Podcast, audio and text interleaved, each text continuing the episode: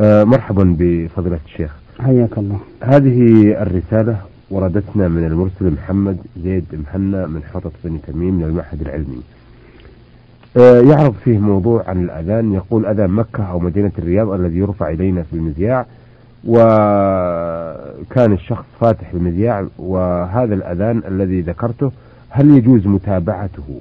وإذا انتهى هل نقول الدعاء الذي يقال بعد الفراغ من الأذان الذي يرفعه المؤذن؟ أم لا وما هو الحكم؟ جزاكم الله خيرا. الحمد لله رب العالمين والصلاة والسلام على نبينا محمد وعلى آله وأصحابه أجمعين. الأذان الذي يرفع لا يخلو إما أن يكون مرفوعا على الهواء. نعم. أي أي أي أن الأذان كان لوقت الصلاة. نعم. من المؤذن. فهذا يجاب. لعموم قول النبي صلى الله عليه وسلم إذا سمعتم المؤذن فقولوا مثل ما يقول. إلا أن الفقهاء رحمهم الله قالوا إذا كان قد أدى الصلاة التي يؤذن لها فلا يجيب. نعم. وأما إذا كان الأذان مسجلا وليس أذانا على الوقت يعني ليس مرفوعا على الهواء وهو الحالة الثانية نعم. فإن فإنه لا يجيبه. لأن هذا ليس أذانا حقيقيا يعني أي أنه لم يرفعه الرجل حين أمر برفعه وإنما هو شيء مسموع لأذان سابق. نعم. نعم. آه، فضيلة الشيخ محمد كان لكم فيما أعتقد تحفظ عن رفع الأذان أو يرفعه فلان؟ نعم.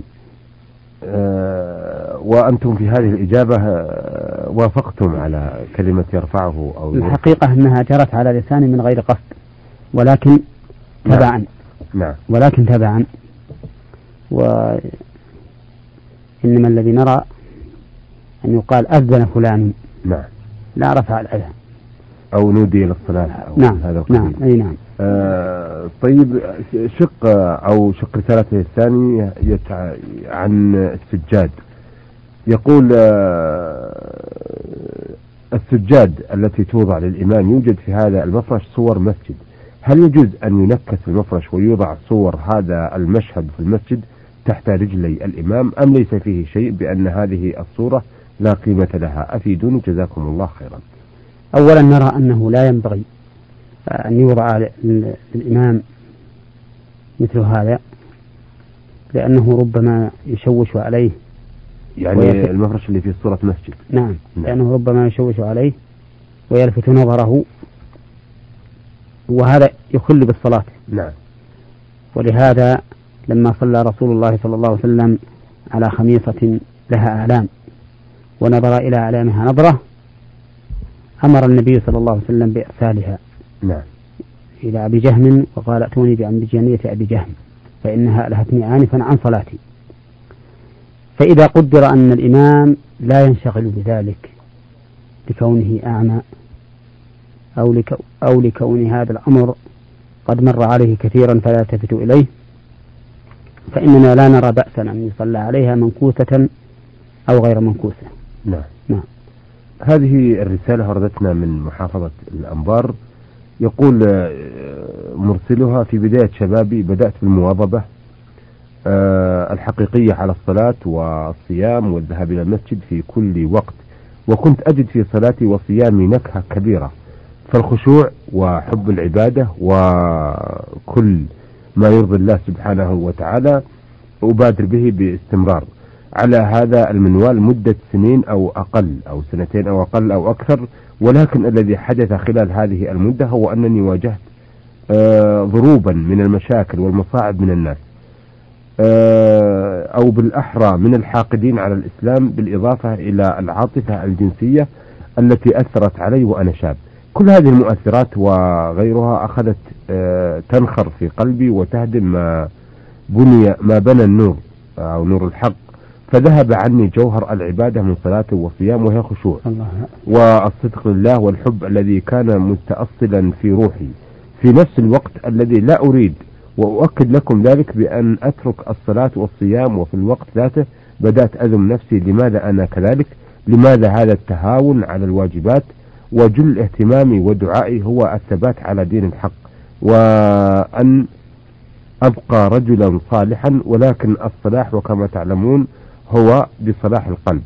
وأطلب منكم من أو أطلب من سيادتكم أن آه، توجد آه، لهذه المشكلة حل وأن ترشدوني للعمل الصواب وما هي الكتب التي ترشدوني لقراءتها. والله يرعاكم ويحفظكم.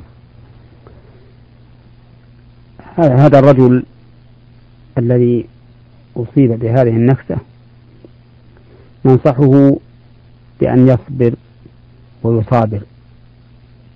على ما كان عليه في أول عمره من الاستقامة والخشوع في الصلاة والإقبال إلى الله عز وجل ومحبته فإنه كما قال الله تعالى وجعلناهم أئمة يهدون بأمرنا لما صبروا وكانوا بآياتنا يوقنون. نعم.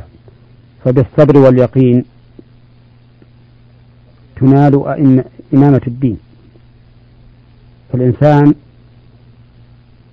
يعرض له مثل هذه العوارض ولكنه إذا صبر وصابر واستعاذ بالله من الشيطان الرجيم امتثالا لقوله تعالى وإما ينزغنك من الشيطان نزغ فاستعذ بالله إنه هو السميع العليم فإنه سوف تكون العاقبة له.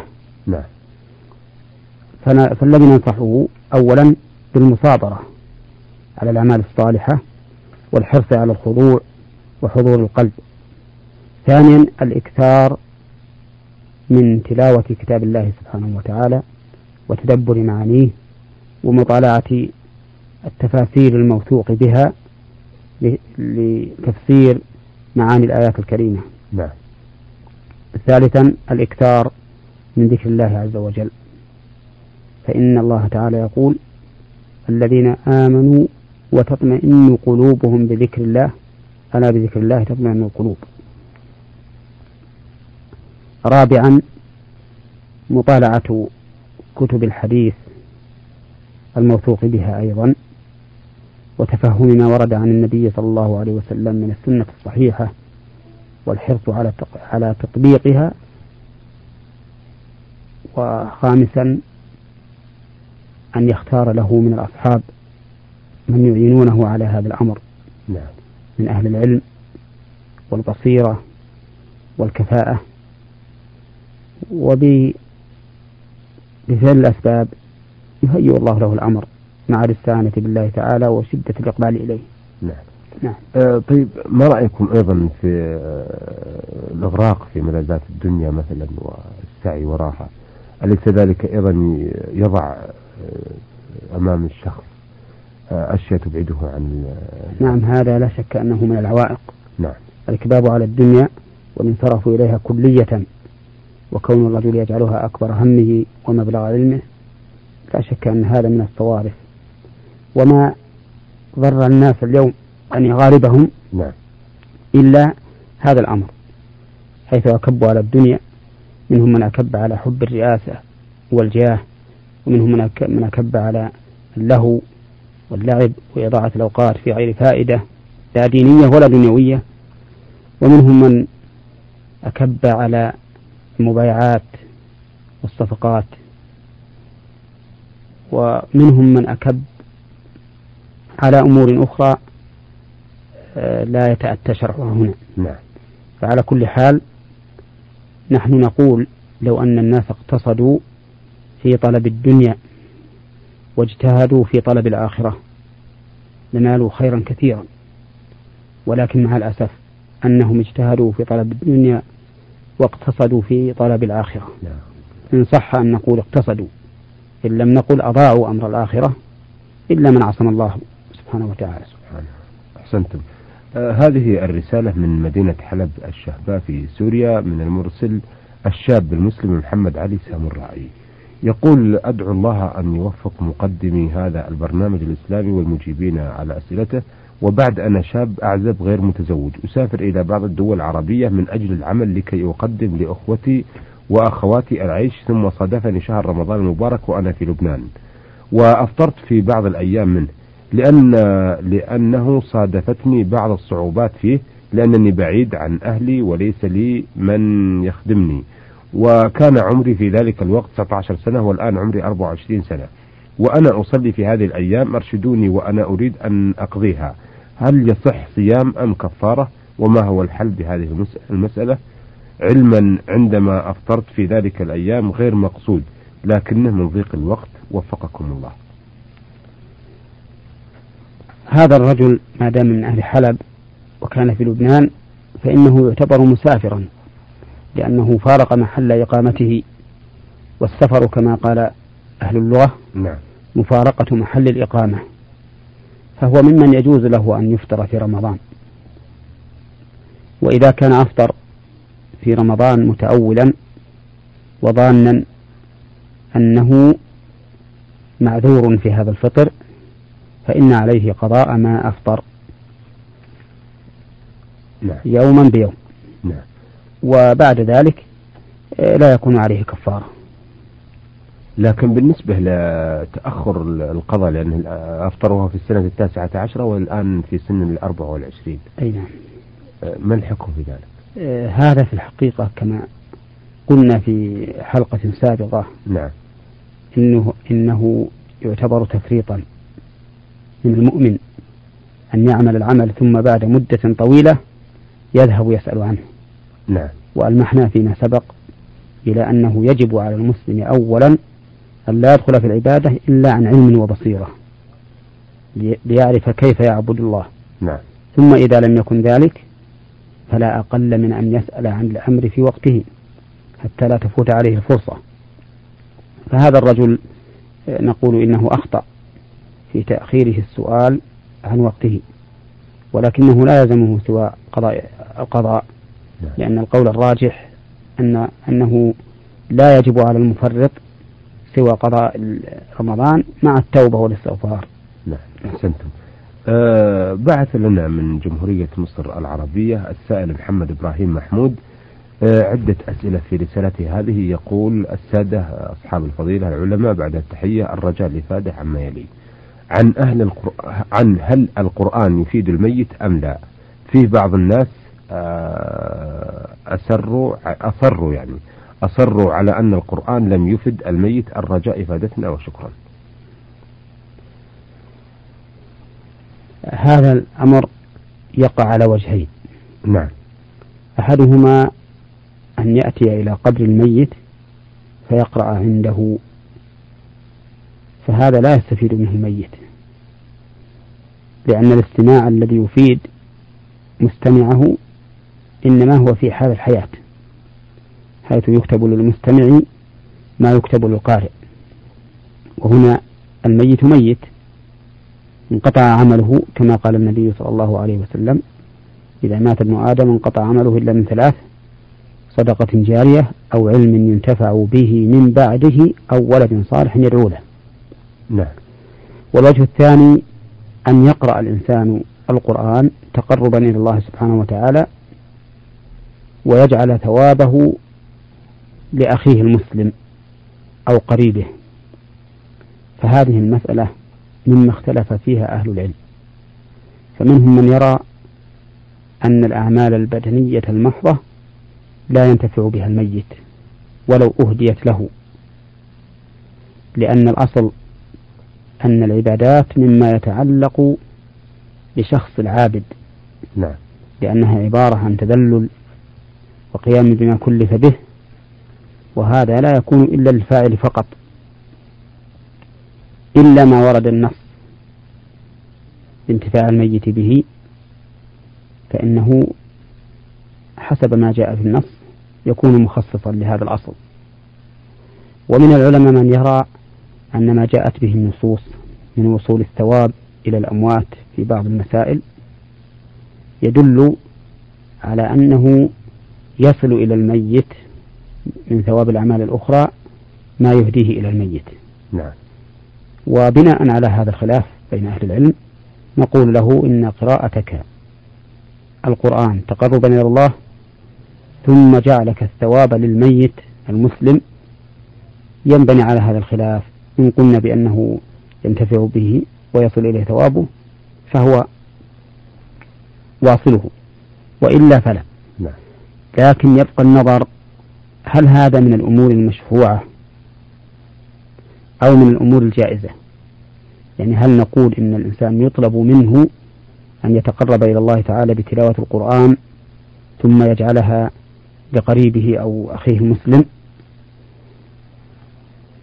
أو أن هذا من الأمور الجائزة التي لا يندب إلى فعلها الذي نرى أن هذا من الأمور الجائزة؟ التي لا يندب إلى فعلها. نعم. وإنما يندب وإنما يندب إلى الدعاء للمسلمين والاستغفار لهم وما أشبه ذلك مما يسأل الله تعالى أن ينفعهم به. وأما أن تفعل العبادات وتهديها فهذا أقل ما فيه أن يكون جائزا فقط. نعم. وليس من الأمور المندوبة. نعم. أحسنتم. سؤاله الثاني يقول الرجاء فادتنا عن بدع المآتم. فيه ناس تعمل للميت ليلة 15 وليلة 40 هل هذا صحيح أم لا؟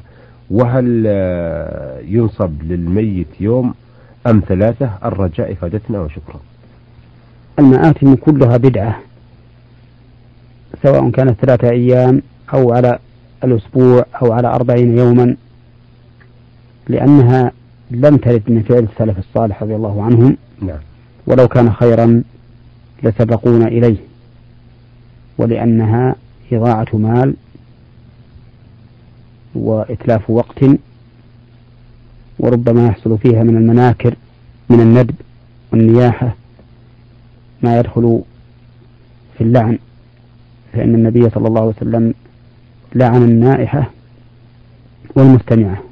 التي تنوح ولا تستمع إليها. ثم إنه إن كان من مال الميت من ثلثه آني نعم. فإنه جناية عليه لأنه صرف له في غير الطاعة. وإن كان من أموال الورثة فإن كان فيهم صغار أو سفهاء لا يحسنون التصرف فهو جناية عليهم أيضا. لأن الإنسان مؤتمن في أموالهم فلا يصرفه إلا فيما ينفعهم. وإن كان لعقلاء بالغين راشدين نعم. فهو أيضا سفه. لأن بذل الأموال فيما لا يقرب إلى الله أو لا ينتفع الماء به في دنياه من الأمور التي تعتبر سفها ويعتبر بذل المال فيها إضاعة له وقد نهى النبي صلى الله عليه وسلم عن إضاعة المال. نعم. نعم. أحسنتم. إذا آه، إقامة المآتم كلها محظورة لأنها إما أن تكون للميت وهذا من آه، إضاعة ماله بغير حق أو لضعيف أو آه،. صغير أو سفيه أو للكبير ويكون مسرفا في نعم نعم. أحسنتم بارك الله فيكم. أيها السادة إلى هنا نأتي على نهاية لقائنا هذا الذي استعرضنا فيه أسئلة السادة.